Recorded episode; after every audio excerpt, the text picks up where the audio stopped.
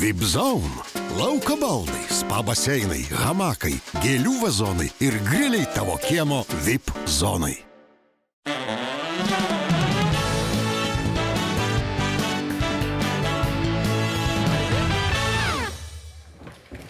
Sveiki, bičiuliai! Sveiki! Laikykitės ten. Vėl grįžta į jūsų kompiuterius, jūsų planšetes ir ten tuos jūsų internetus, aš nelabai pats suprantu, čia akivaizdžiai yra jaunesniems. O visiems žiūrintiems mums, bet dar neprenumeruojantiems Laisvės televizijos, bičiuliai, prašau, prenumeruokit, spauskit varpelį ir junkitės prie mūsų būrio. Prašau, prašau, labai prašau, papi ais. Laikykitės ten, rūpiutis dedikuotas Kaunai. Šiandien mes čia, Atform kemelėje, o rūpiučio 25-ąją paskutinioji laikykitės ten vasaros laida bus transliuojama tiesiogiai iš Laisvės pikniko vykstančio Kauno Nemuno saloje. Ir ten bus visko daug ir daug ir dar daug daugiau. Nuo ryto krūvos politikų penkiose palapinėse bandys įtikinti mums, kad jie yra teisesni ir labiau nusipelnę, o ore jau kvepės rinkimais. Laisvės televizija šitą šou taip pat transliuos tiesiogiai. Na, o pikniko kulminacija, atomasga, benefisas ir kiečiausias renginys turėtų tapti grupinis Ramūno Karbauskio kapojimas. Pavyzdžiui, jeigu mes pasiūlytumėme jums mesti iššūkį, keliams žmonėms mestumėte iššūkį simultanui, bet gyvam simultanui ir tuo pačiu metu kalbant, vaikštant ir kalbant apie problemas. Priklausomai nuo to, kiek laiko turėčiau. Jeigu 4 valandas, tai 100 žmonių. O jeigu 2 valandas? 2 valandas 50 žmonių. 50 žmonių. Va, tai paimat su 50 žmonių, imat ir tuo pačiu metu diskutuojate apie Lietuvą. Galiu. Aš esu profesionalas. Taip, ponios ir ponai, valdančiųjų lyderis pažadėjo rūpiučio 25 dieną Nemono saloje žaisti šaškių simultaną prie 50 lentų vienu metu. Tokio vaizdelio jūs tikrai negalite praleisti ir jeigu jis tikrai laimės visas 50 partijų, bus galima ramiai konstatuoti, kad Ramūnas viešoje vietoje padarė 50. Rūpiutis. Šiemet jau penktas vasaros mėnuo. O karšta vasara sukelia ne tik geras emocijas, bet ir perkaitina galvelės. O perkaitusios galvelės arba apskritai jų stygius priima keistus sprendimus. Todėl juos aptardami šitą mėnesį vertinsime saulytėmis. Na pavyzdžiui, Vilniuje du jaunuoliai užpuolė čia jau penktus metus gyvenantį ekvadorietį Fabianą Sančesą ir šaukdami Lietuvą lietuviams sumušė. Na, labai negražu, aišku, bet yra aplinkybė, kuri palengvina kaltę. Vienas įtariamasis dirba Vilniaus degtiniai, o dirbant Bravorė, kurio populiariausias produktas yra Sobieski raudona, dar netokių blėnių galima prisigalvoti.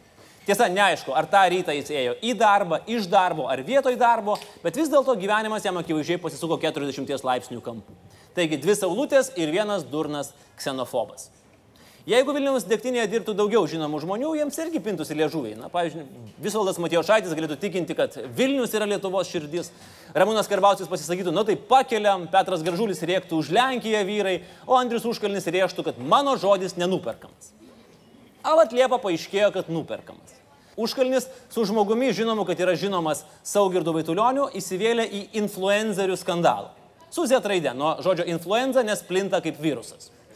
Vyrukai už pinigus reiškia nuomonę dėl naujos daugiabučių tvarkos administravimo Vilniuje, viena akim užmesdami akį į gerų dėdžių jiems pateiktas špargalkės. Na, kad asmeninė nuomonė nenukryptų į lankas. Na, būna. Užkalnis atsiprašė ir pažadėjo gautus pinigus paskirti labdarai, o Saugirdas laikėsi iš paskutiniųjų ir visus Facebook'e blokavo, blokavo, blokavo, bet niekas ir nesakė, kad būti influenceriu lengva. Nors žinant, kiek svarbi visuomenė yra Saugirdo nuomonė, jį turbūt labiau tiktų vadinti dinfluenceriu negu influenceriu. Trys saulytės ir vienas bjaurusis žasiukas. Ir ne, čia aš ne apie Saugirdą. O štai Plungės rajone Liepa įvyko valstiečių ir žaliųjų sąskrydis. Ir jame vėl nebuvo apseita be visuomenės klaidinių. Ir aš turiu omeny ne tai, kad Karbauskis nuo scenos aiškino, jog valstiečiai yra pasmerkti laimėti rinkimus. Ir net ne tai, kad Skvernelis aiškino, kad valstiečiai yra nesusiskaldę ir tvirti savo dvasia. Ne, ne, čia viskas ok. Didžiausias klaidinimas įvyko, kai ant scenos sąskridėje užlipo grupė du donatai. Nes jūs aišku manote, kad abu šioje grupėje dainuojantis vyrukai yra donatai. Nevelnio. Vienas iš jų yra Karolis. Ir vad net ir čia, net ir tokiuose smulkinuose valstiečiai meluoja žmonėms. Tai kaip tu gali tikėti juo, ką jie sako? Štai, pavyzdžiui, premjeras Kvernelis pasakė, kad įtarimai tvarkai ir teisingumui jiems netrukdo bendradarbiauti su tvarkiečių frakcija, nes jiems jų kaltinimų nėra pareiškę. Suprantat, partijai įtarimai yra, o nariams nėra ir viskas, viso zakona. Tai čia tiesiog prašosi, tiesiog prašyte prašos dviejų donatų, iš kurių vienas karalis, daina. Kažkada kalbėjai. O ponia Karbauskis, yra partijų, ar jūs laikotės tos pačios savo nuomonės ir šią naktį, kad yra partijų, su kuriomis jis jokiais būdais neįsit į koaliciją? Darbo partija ir tvarkos teisingumas mes su jums tikrai neįsim jokiais atvejais su jokia koalicija.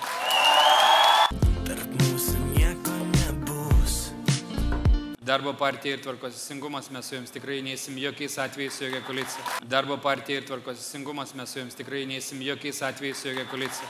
Na, o kaip tau dabar?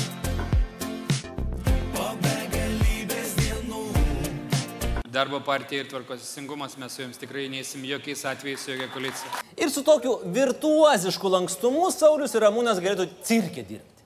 Ne tame, kur Klaipėdoje nemaitintas meškas kankina, bet tam, kur du Soleil. Arba tiksliau du Skvernel. Nes mes esame visai kaip ta meška. Visą vasarą ant teletrinio paspirtuko ir maitinami tik pažadais. Pasižiūrėkime į tvarkiečių frakciją. Na jau be puko ir be gražulio, bet ten yra partijos, kuriai pareikšti įtarimai pirmininkas, bet čia pasak premjero nesiskaito. Yra Rimas Andrikis, prieš kelis metus sugautas vairuojant su beveik dviem promiliam. Yra prie prokuroro namų piketavęs ir jo vaikus gazdinęs Jūzas Imbrasas. Ir yra naujas herojus - tvarkytis Vytautas Kamblevičius, kuris spaudos teigimu Kaune pamaklevojo ten prie savo namų su nuoteikių vamzdžiais, nelegaliai nukreipė lietaus vandenį į būtinas nuotekas ir dabar kaimynus klipus užpila lietaus vanduo su fekalijomis. Sulieti švarų vandenį su šūdais ir nukreipti pa žmonės, realiai tai apibrėžia tiek visą tvarkos ir teisingumo partijos veiklos modelį, tiek ir ksenofobo degtinės fabrike dirbančio bičio darbo dieną. Kita vertus, puikiai terpė influenceriams išsakyti savo nuomonę už pinigus. Čia jau net nebe trys saulutės, o trys sauliukai, priklauso nuo tokių sprendimų. Galvelės Kaune kaito ir konservatoriams. Smegenų temperatūra turi būti pasiekus virimą, kad sugalvotum ir apmokėtum štai tokį plakatą. Na, dviejų dalykų iš krekždučių neatims. Šika ten, kur gyvena ir šaudo savo į kojas. Matyt, konservatoriai užsibrėžė tikslą niekada, niekada daugiau nelaimėti Kaune ir nuosekliai to laikosi. O mūsų kūrybinė grupė skuba jiems į pagalbą ir pateikia naujus vizualinius sprendimus TS LKD rinkiminiai kampanijai Kaune. Pavyzdžiui, kodėl Matijo Šaitis nemyli pėsčiųjų? Kodėl Kirkilas nežiūri krepšinio? Kodėl valstiečiai yra žali, bet ne žaliai balti? Gal jie nepalaiko žalgirio? O, iš karto kyla tokių abejonių. Kodėl Šustauskas vis dar be darbo? O kodėl Jankūnas vis dar žalgiryje? Ir va, galima tuos varšus kauniečius visiškai supainioti. Galvos kaista ir mūsų politiniams lyderiams. Meilė tvyro ore. Saskridžio metu Pranskėtis kalbėjo, kaip būtų gerai, jei krekždutės išskristų į pietus ir nebegrįžtų. Beje, grinai ornitologiniu požiūriu tai nebūtų gerai. Sodininkas turėtų žinoti, kad krekždės minta kenkėjais. O štai Karbauskis įvardijo Landsbergį jaunesnį kaip turinti desperatišką norą padaryti kuo blogiau Lietuvai, o Landsbergis atsikirto Karbauskiui išvadinęs valdančiuosius KGBistinę daugumą, sado populistais ir pareiškęs, kad pro langą mato Karbauskio galą. Jeigu Gabrielius per langą mato Ramūno galą, yra trys variantai.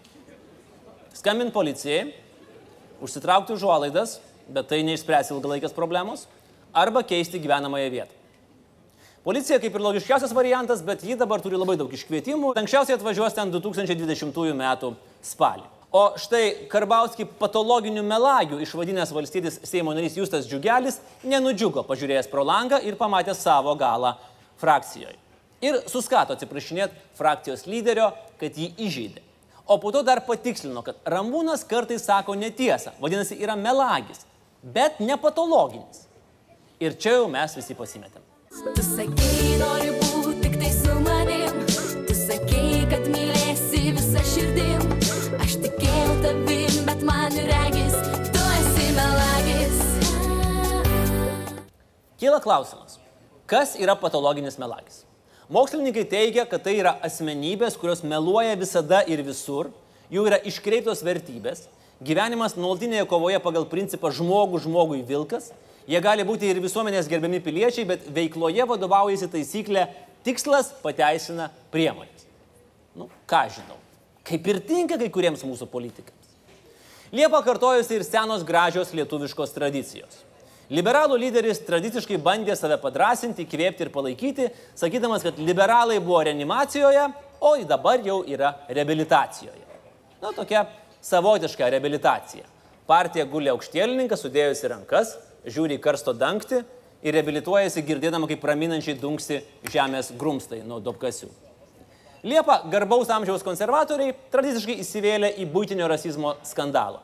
Europarlamentarė Laima Andrikinė įdėjo memą su Prancūzijos futbolo rinktine ir klimato kaita. Tada ištrynė, tada atsiprašė, tada ištrynė ir atsiprašymą. Na ir kuo toliau, tuo labiau iškėja, kad mūsų europarlamentarai Briuselėje nieko naudingo neveikia, tiesiog trinasi. Ramūnas Karbauskis, žinoma, nieko netrynė, bet vėl tradiciškai pamiršo šį bei tą deklaruoti. Jau kokį gal devintą kartą per dviejus metus. Amžius ir įtampa vis dėlto daro savo.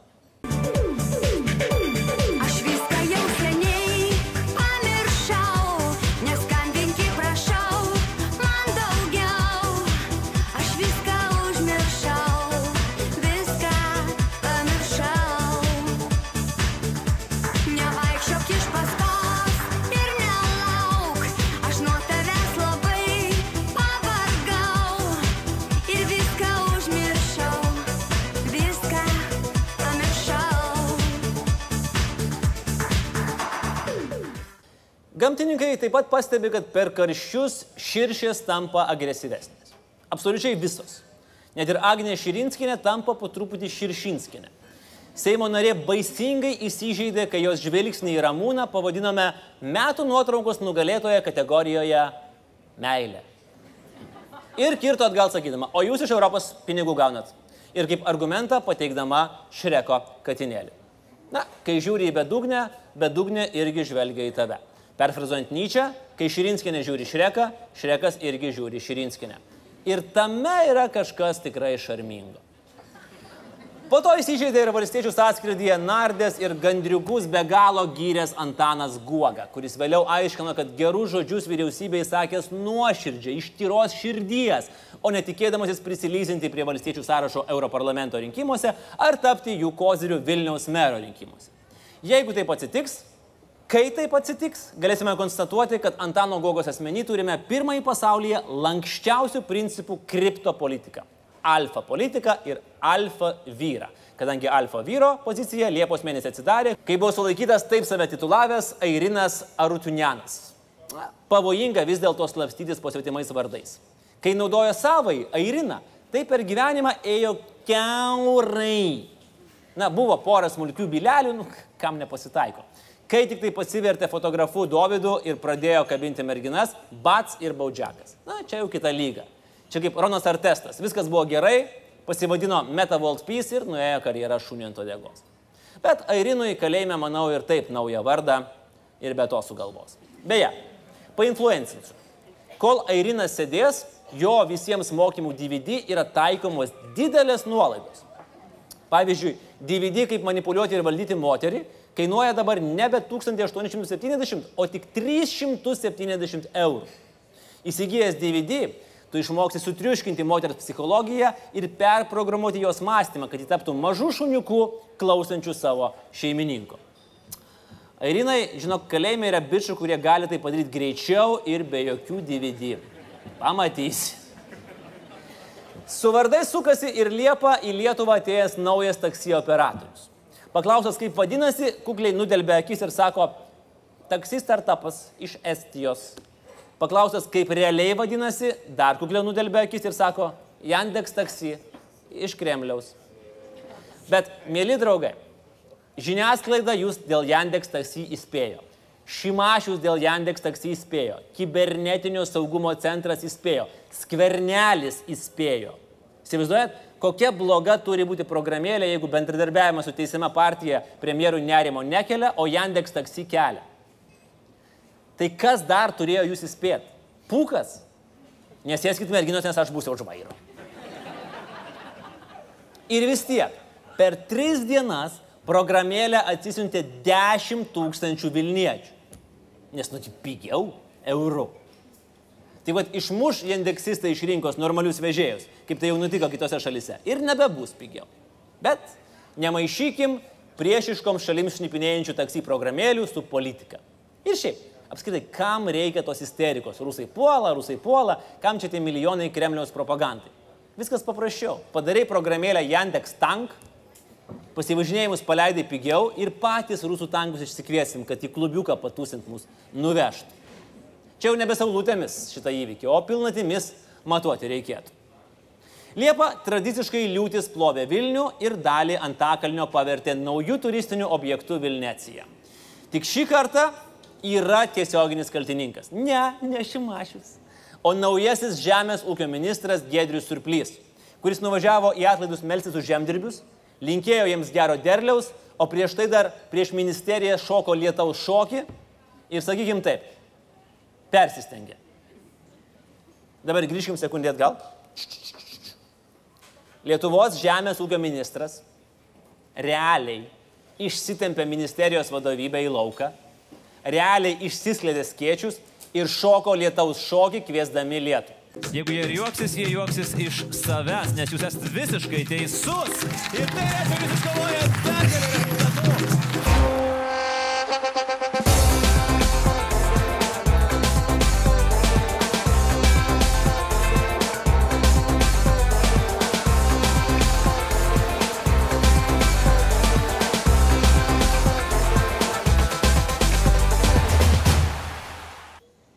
Nežinau, kaip tokie šamaniški šokiai dera su katalikiškomis ministro maldomis per atlaidus, na bet matėm patys, veikia ir netgi per gerai. Čia toks miksas kaip mentos ir Coca-Cola gaunasi.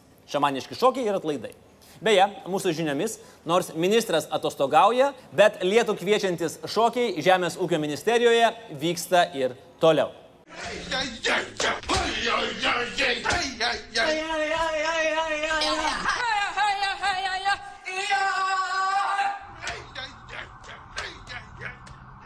Jaunasis ministras ne tik šoka, bet ir aktyviai reintrodukuoja į vyriausybę užsuotų bebrų populaciją. Iš visų įmanomų kandidatų į viceministrus jis Liepą pasirinko mūsų visų mylimą Sotsbebrą, buvusi ūkio ministrą Evaldą Gustą, kuris taip ir nesugebėjo įrodyti verslininkams, kad yra ne personažas, o realus žmogus. Ministro garbiai reikia pasakyti, kad jis rado pasiteisinimą. Gustas buvo 20-asis kandidatas, bet kiti 19 atsisakė. Ir iš čia kyla patarlė, nėra to blogo, kas neišeitų į gerą postą valstybės tarnyboje. O apžvalgą baigsime trumpą rubriką, kas dar uždrausta Lietuvoje. Liepą turime dvi naujas pozicijas. Bus uždrausti dizeliniai automobiliai, nes labai teršia, ir kramtomoji guma mokyklose, nes nesveika. Atrodo, kad mūsų valdžia turi parsisiuntusi tokį apsą. Ministrai paspaudžia mygtuką, jiems sugeneruoja random daiktų sąrašą ir jie juos uždraudžia. Na, pavyzdžiui, Random Things Generator išmeta man pakaba, lūpų blizgis, paveikslų rėmai. Tai va, Čiulionio muziejau, galėjau ruoštis. O dabar pagrindinė mūsų laidos tema - alkoholis. Ir kadangi scenaristai kiekvieną temą išbando savo kailių, tai jau trečią kartą tai yra pagrindinė laidos tema. Nenustepkit, jei dar porą kartų kokiam vasaros savaitgaliui ką nors panalizuos. Kita vertus, kūrybiniai žmonės. Be alkoholio vargu ar savo geriausius šedevrus būtų parašę Hemingvėjus, Fitzgeraldas, Bukovskis. Jei ne alkoholis, apie ką būtų rašiusi Žemaitė, Valančius. Prasto alaus užpilimas ant žaryjų kepant šašlyką apskritai turėtų tapti Lietuvos kultūrinio paveldo dalimi. Be alkoholio nebūtų sukurtas ir šis nuostabus nežinomo autoriaus choreografinis šedevras. Ačiū tau, alkoholį. В голове играет звук помпового баса Ускорению нет предела, скоростная трасса В голове играет звук помпового Ir šiandien aiškinsimės, ar padarė kokį nors poveikį dabartiniai alkoholio ribojimai. Ar geria mažiau? Ar mažiau dvigubinasi akise? Ir ar atsikratėm girčiausios pasaulio šalies apdovanojimą? Bet apie viską nuo pradžių. Kaip mes susivokėm, kad jau keletą metų tiek pilam, kad akise tamsu. Ir ką dėl to darėm? Beveik nieko. Na, galbūt pakėlėm už tai, bet daugiau ne kažką. Dėl alkoholio vartojimo susigrėpta dar kokiais 2010 metais. O tai buvo neįliniai metai. Linas Karalius neteko Seimo nario mandato už tai, kad vietoje darbo Seime linksmusis transseksualais Tailandė.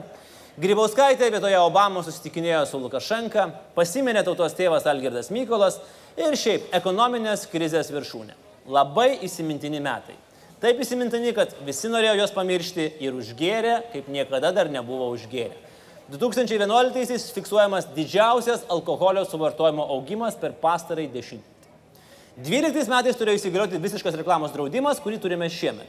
Bet tas toksai girtas brusduliukas išsivystė į tai, kad draudimas buvo atšauktas ir neįsigaliojo. Nu, kaip girtuokliams ir būna. Pasižadė, kad nuo pirmadienio nebegersi, bet geri nuo sekmadienio iki antradienio imtinai. Visą tą laiką po truputį buvo keliami akcizai. Nu, tokios gudrušių svarstyklės vyko. Ir aludariai, ir vynininkai, ir degtindariai visada sakydavo, kelkit ne mums, kelkit kitiems. Pakelsit degtiniai, tada visi gers alų. Kelsit alų, visi persimės ant degtinės. O vynui kelt nekėlęs vis tiek niekas negeria. Ir taip akcizai kilo. O mes geriam kaip geria. Tik akis vis dažniau užklyzdavo į apatinės lentynas, o kai jau labai labai prireikdavo, pavyzdžiui, prieš mušant artimą savo, paėdavo ir koks nors burnos skalavimo skystis ar pilstukas kaukulinis. 2015 į Lietuvos istoriją įeina kaip monumentalūs kovoje su alkoholiu. Uždrausta pardavinėti alkoholinius gėrimus degalinėse. Buvo didelis burbulas, bet prasme tiek pat reikšminga kaip ir daugumos valstiečių nuomonė valstiečių ir žaliųjų frakcijoje. 16 buvo tie metai, kai prasidėjo lūžis galvose. Ir jį pastumėjo saviečių tragedija, kai tėvas vidury žiemos įmetė du savo vaikus į šulinį. Ta pati tragedija, apie kurią tuo metinė socialinės apsaugos ir darbo ministrė nelabai ką žinojo. Ir ką būtent vėlgi padarėte e, dėl, na, kad išvengti soviečių tragedijos pasikartojimo. Tai saviečių, tai jūs turite omeny ten... e, Su šuliniu.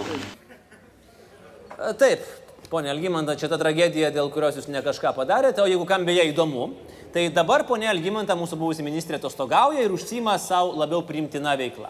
O į tos atostogos džiaugiasi gerbiama Algimanta. Geras reikalas. Atkreipiam dėmesį beje, kad žodis reikalas parašytas kabutėse. Kitoje nuotraukoje prierašas irgi labai prasmingas. Svarbu gerai suvadovauti. Irgi galim džiaugtis, kad žodis suvadovauti buvusi socialinės apsaugos ir darbo ministrė irgi rašo kabutėse. Labai atspindi jos ministravimo laikotarpį. Vadovavimas kabutėse. Na, o saviečiai iššaukė tai, ko mes seniai Lietuvoje nebuvome matę. Kritinės masės suvokimą, kad reikia kažką daryti. Ir jau tada iniciatyvos ėmėsi ne socialinės apsaugos, ne sveikatos ministerija, o konservatoriai. Tie patys konservatoriai, kuriuos taip visada liaupsina Laisvės televizija, Šita reklama yra apmokėta iš Europinio vairiamo pinigų, kuriuos kontroliuoja valstiečių ir žaliųjų frakcija ir man čia yra visiškai mistika, kas vyksta. Grįžkim prie konservatorių siūlymų. Tai jie buvo pirmieji, kurie 16 metų kovą užregistravo projektą, kuriuo siūlė panašius dalykus, kuriuos po to įvedė valstiečiai. Akcizas, reklamos draudimas, pardavimo laiko ribojimas, amžiaus didinimas ir dar keletas kitų. Įdomu, kad valstiečiai ir verygos tipo visuomenininkai apie tai kalbėjo gerokai anksčiau, bet jų balsas buvo tokios pat vertės kaip balsas už darbo partiją. Principė nulinis. Nuo 96 metų tik vieną Seimo kadenciją praleidusi valančiaus reinkarnacija Antanas Matulas gavo progą pasireikšti. Jis alko draudimus siūlydavo taip pat įkyriai kaip sysės progresinius mokesčius ir jie būtų net savijau dėmesio nebekreipdavo. Bet 16-ais konservatoriai davė šansą Matului ir buvo sudėlioti konkretūs kovos alkoholiu pasiūlymai, iš kurių labiausiai prigijo draudimas įsigyti alkoholio rugsėjo 1. Beje, ruoškitės, jau ne kažkiek liko iki rugsėjo pirmosios, tai užsipirkti reikia. Bet tada prasidėjo rinkiminė kampanija, kova dėl naujo Seimo kėdžių ir visi viską užmiršo. Išskyrus valstiečius, kuriems šovė į galvą neįtikėtina mintis. Sujungkim mūsų reikimą dėl blaivios Lietuvos su rinkimų kampanija, jau lab, kad turim lyderį, kuriam ant kaktos ištatuiruota. Negeria. Beje, mūsų sociologų tarnyba atliko SMS apklausą. Gatvėje praeiviams rodėm visų partijų lyderių portretus ir po to vis tiek liepėm siūsti SMS su atsakymu į klausimą, kuris iš jų jūsų nuomonė negeria. Ką jūs savo galvojat? 47 procentai nurodė Karbauskį, o 53 procentai pamatė portretus atsakė įpilkit. Prieš pat rinkimus sukruto ir visuomenė, judėjimas už blaivę. Na, tiesa, nebe būsimų Seimo nugalėtojų valstiečių pagalbos, sėkmingai surinko 60 tūkstančių Lietuvos piliečių parašų, kuriais buvo reikalaujama įvesti specializuotas alkoholio prekių parduotuvės. Bet niekam neįdomus. Tie parašai tuo metu daug įdomiau buvo rinkimai. Ir reaguodami tai, kas darosi aplink, į visą absurdų pasiutpolkiai dar įsisuko ir prekybos centrai. Dalis nusprendė, ar tai pavadinti pilietiškus, ar tai imtis atsakingos pozicijos ir pažadėjo tikrinti visų alkoholį perkančių dokumentus. Nesvarbu, vaikas, ne vaikas, senas, nesenas, rodyk dokumentą. Aišku, tai sukėlė dar didesnį visuomenės pasipiktinimą ir čia yra truputį keista. Nes laisva valia atiduoti prieigą prie savo asmens duomenų Yandex taksi, kuris jų labai nori, tūkstančiams yra ok. Parodyti ID kortelę kasininkai, kuriai giliai dzin kiek savo metų, jau yra asmeninio gyvenimo lindimas ir pažeidimas. Prasukam laiką. Į valdžią ateina valstiečiai, karas alkoholiu ir galiausiai po ilgų metų priimami įvairūs alkoholio ribojimai. Labiausiai jaučiami alkoholio pardavimo laiko ribojimas, amžiaus cenzo padidinimas, didesni akcizai ir reklamos draudimas. Bet ar šie įstatymai padarė kokį nors poveikį alkoholio suvartojimui? Nepatikėsit, bet alkoholio suvartojimas Lietuvoje mažėja ir mažėja nuo 11 metų. Tačiau nuo užpilčiausių metų mes jau septynerius metus iš eilės geriam vis mažiau ir mažiau. Tiesa, 11 ir 15 geriam tik gal po kokią vieną čerkelę per metus mažiau.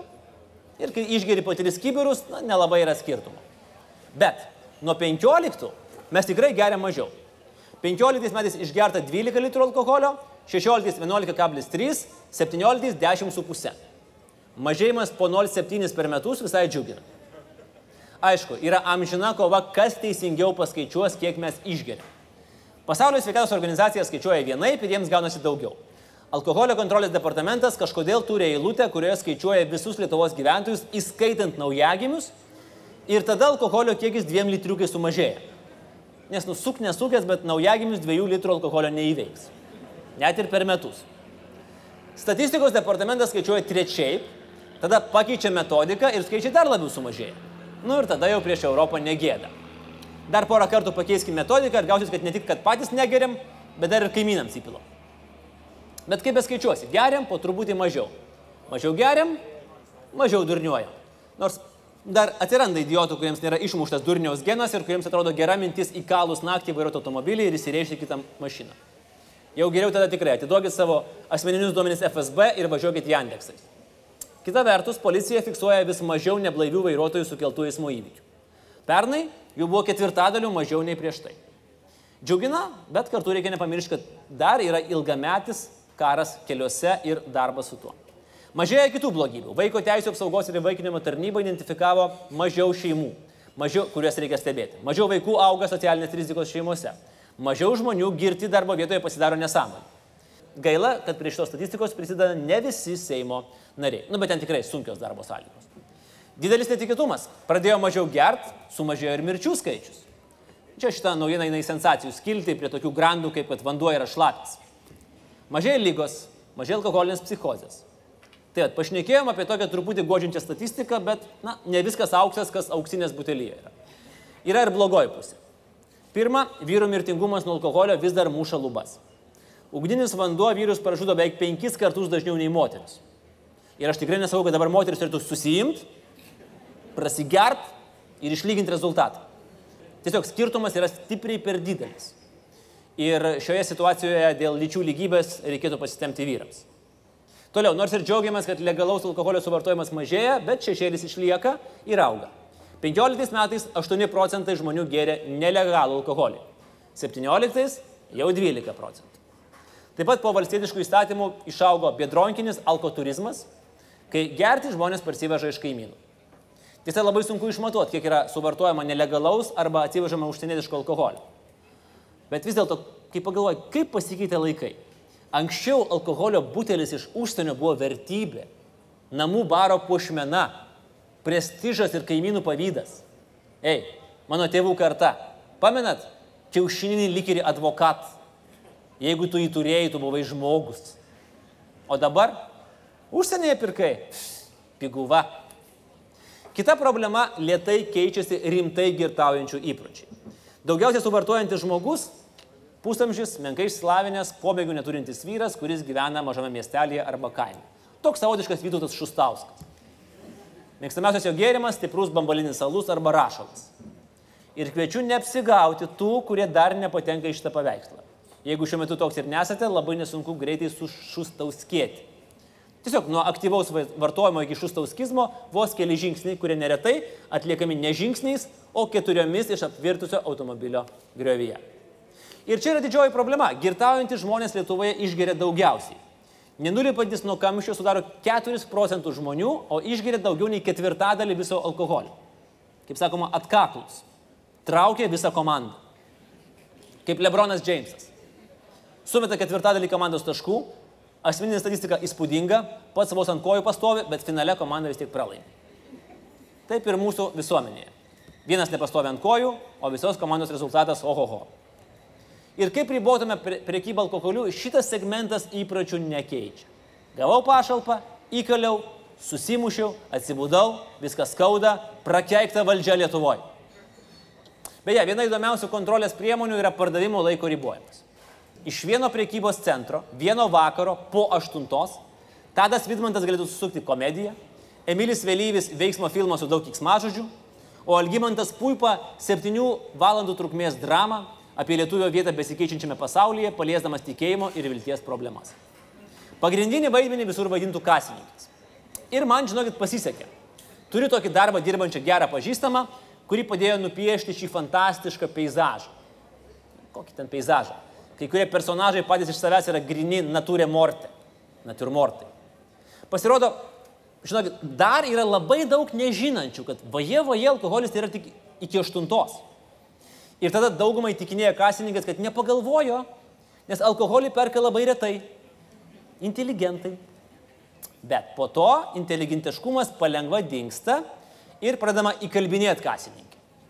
Populiariausi variantai yra tokie. Tai aš jums lygiai duosiu, jūs rytoj įmušite. Arba nurašykit prie sudužusių, o pinigus pasilikit. Arba tikrai neparduosit, aš žinau, kur gauti ir po laiko, tai koks jums skirtumas. Arba puikusis, tai aš dabar paimsiu, o rytoj atnešiu ir atiduosiu tokį patį. Kai tai nepadeda, prasideda trečia fazė. Išmanusis keiksmažodžių žodino demonstravimas ir ketvirtoji fazė - grasinimai kasininkai asmeniškai. Pradedant nuo to, atsisuksiu šitą butelį ir prie tavo akių išgersiu lervatų. Čia yra tiksli citata, kurią girdėjo kasininkė. Arba grasinimų parašyti apie tai straipsnį į laikraštį. Keista, kad dar niekas nesugalvojo užsiundyti influencerius. Geriausias pažadas iš pirkėjų parduotuvėse, kurie yra girdėjęs kasininkės, aš žinau, kada darbą baigė, aš palauksiu. Ir kai tai smulkiai kasininkai išrėžia stambus vyriškis, žinokit, tikrai nėra jaukų. Apdairios kasininkės iš darbo po vieną nevaikšto. Fainai. Gerovės ir santarvės valstybė. Skandinaviškas bendruomenės modelis. Bet Oskaro už geriausią pirmojo plano pasirodymą dramoje, veiksmo filme ir tragikomedijoje labiausiai nusipelnė šitas gerai piešęs bičias, kuris į priekybos centrą atėjo viena minutė po aštuonių.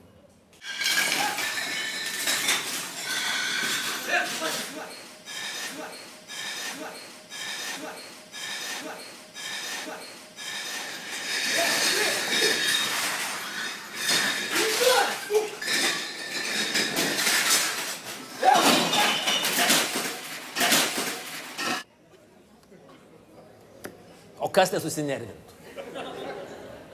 Tiesa, anksčiau irgi būdavo panašių vaizdų, bet tik jie vykdavo dviem valandom vėliau. Na, o iki 22 valandos dirbančių parduotuvių mažiau, tai ir eilės būdavo rimtesnės. Ir turbūt ne vienas esat matę, kaip buteliais apsikrojo veikėjai lygus kelioms minutėms iki svaigalų prekybos laiko pabaigos, veržėsi prie kasų, o kasininkės kaip šitie, kaip šturmanai reguliuoja, su buteliais ten į trečią, į antrą, pirmin, pirmin, pirmin, praleiskit, praleiskit, praleiskit. Nu, tokie valdžios nurodymai. Reikia prisukti kuo daugiau apyvartos, bet vaizdelis visada būdavo žiauriai geras. Kaip kasininkė išrėžė vienas vėluojantis garbaus amžiaus alkoholio pirkėjas, ne už tokią Lietuvą kovojam. O ministrui verygai gyventi tapo patogiau. Nebereikia laikrodžio. Kai tik pradedi žaksėti ir austi skaisti, žinai, kad po aštuonių ir žmonės tave mini sakinyje, kuriame be necenzūrinių žodžių realiai nelabai daugiau ko yra. Faktas. Problemų su alkoholiu turintis veikėjai neturi problemų su punktualumu. Rimtų gerikų labai retai, kada rasi eilėje prie kasų 19.5. Jie yra pro, profai. Jie ateina pusvalanduku anksčiau ir ramiai pasima tiek, kad užtektų vakarui ir rytų. Dar kiti multitaskina. Ateina valandą anksčiau ir susirenka užsakymus iš paauglių. Plius 2 eurai. Su tokiu pareigingumu ir 6 sigma metodikos taikymu savo veikloje, jie bet kurioje įmonėje būtų pavyzdiniai darbuotojai. Jeigu tik dirbtų. Sekundę. Dabar vėl atsaku tekstą atgal, atgal, atgal, nes jau dabar girdžiu nustebusių prie kompiuterių mamų ir tėčių šūksnius. Kaip paaugliai? Kaip perka paaugliai? Nu negali būti. Negali būti. Turbūt tik tie iš rizikos šeimų. Mano tai nei Lukutis, nei, nei Lėjutė, tai niekada. Ok. Metas prasivalyti realybės akinius. Jeigu jūs turite paauglį sūnų arba dukrą, yra 99,9 procento tikimybė, kad jis arba jį tikrai žino, kaip ir kur nusipirkti alkoholio, nes prie bet kurio didesnio priekybos centro dežuruoja jaunimo troškulį pasiruošęs numalšinti dėdė. Ir kuo labiau jiems drausit, kuo daugiau bausit, jeigu slapta penkiese nusipirks jagerio fleškutę, tuo daugiau jie žinos ir pirks. Taip yra. Deal with it. Kuo daugiau verži, tuo daugiau žmonės atranda skilių. Vieni varo apsipirkti į užsienį, kiti sėdi uždarose Facebook grupėse, kur paslaugus vyrukai bet kada ir bet kur gali privežti. O jeigu jam žinojo troškulio žemę netikėtai patekęs nelaimėlis neturi Facebooko, tuomet gali išsikviesti pigų taksi. Ne tą, kur- per programėlės. Čia jau reikia tokio old schoolo. Telefonas, centriukas ir panašiai. Nuvažiuoji su juo kelius šimtus metrų ir tada lik netyčia klausi vairuotojo, gal žinai, kur gauti skyščio, šachtom užgesinti. Ir yra visą laiką du variantai. Arba gerasis samarėtis pats sustos ir iš bagažinės ištrauks to, ko tau trūksta, arba atliks vieną skambutį draugui ir po kelių minučių prilėks kitas kolega, kurio bagažinėje skamba klang klang, bet tikrai nekankliai. Vis dar gyvi ir taškai, načnykai, lariokai, lavkės, visparinės, knaipės, rioksinai, točkės, jų yra visur. Jau matau, kad kai kurie išsitraukė telefonus ir pasiruošė užsirašyti adresus. Kaip sakau, jų yra visur Lietuvoje, tik nepalangoje.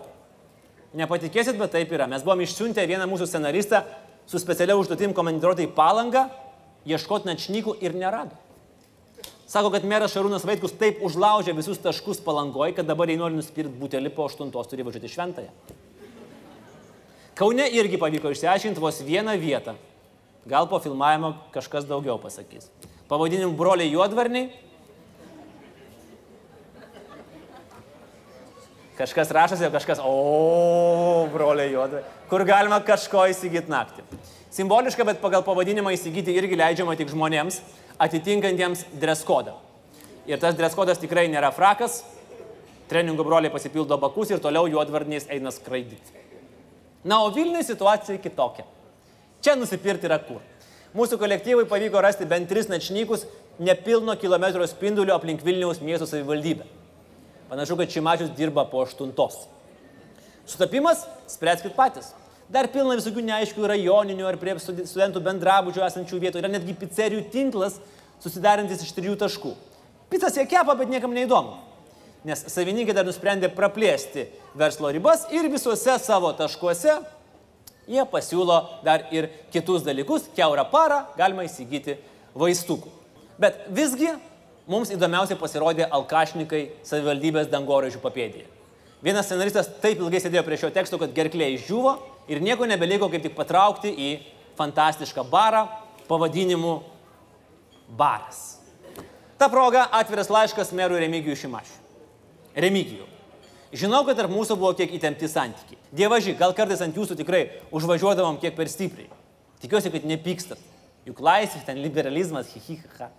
Bet dabar turiu rimtą ir kartu labai nuoširdų prašymą. Nu, plys, plys. Nu, padaryk, kad Vilniui nebebūtų tokių naktinių alkoholio krautuvių, kokios yra dabar. Juk net palanga susitvarkė. Net palanga susitvarkė Karlai. Tai yra remigijų. Ačiū uždėmesi. Taip alkoholio suvartojimas mažėja. Neįgiamų vartojimo pasiekmių irgi mažiau. Ir tuo galima pasidžiaugti. Bet nuo 10 iki 15 mažėjimas buvo minimalus, o nuo 15 pradėjo sparčiai mažėti ir mažėja toliau. Naujosios valdžios priimti ribojimai mažėjimo kol kas nepagreitino, bet galbūt tam dar reikia laiko. Aiškiau viskas matysis turint šių ir kitų metų skaičius. Bet akivaizdu, kad pardavimo laikai, reklamų draudimai yra veiksminga, tačiau neišsprendžia vienos didelės problemos. Tikslinė grupė, tie mūsų alkolebronai, geria ir gers, kol žemelė apsivers. Ir galima krizenti geriant savo antrą kraftinį aliuką už 4 eurus iš tų pusamžių neišsilavinusių žmonių su žemė savivertė ir siaurų požiūrių, bet juk tai ir yra tikroji socialinė atskirtis. Priimti įstatymą, kad alkoholis tik nuo 20 metų ir po 20 valandos galima, jis daugiau mažiau veiks. O priimti įstatymą, kad daug gerintis nebegertų, dėje negalima. Reikia noro ir užsispyrimo su jais dirbti, o valdžia to dėje kol kas neturi. Nesunku dirbti ir nemalonu. Tai mėly Aurelijo Veryga ir Linai Kukuraitė. Mes pasižadam labai stipriai neduoti jums malkų, kai po poros metų pamatysim, kad dabartiniai alkoholio draudimai gal nedavė tokio gero rezultato. Tik jūs būkite geri, nusugalvokit, kaip padėti žmonėms, kuriems to labiausiai reikia. Įrodykit, kad esate toji profesionalų vyriausybė, kuri ne tik tai gerinat gyvenimus, bet ir gelbėjat gyvybės. Per pirmus dviejus metus to padaryti nesugebėjot. Jūs turite dar dviejus. Sėkmės mums ir jaunai mūsų demokratijai. Ačiū.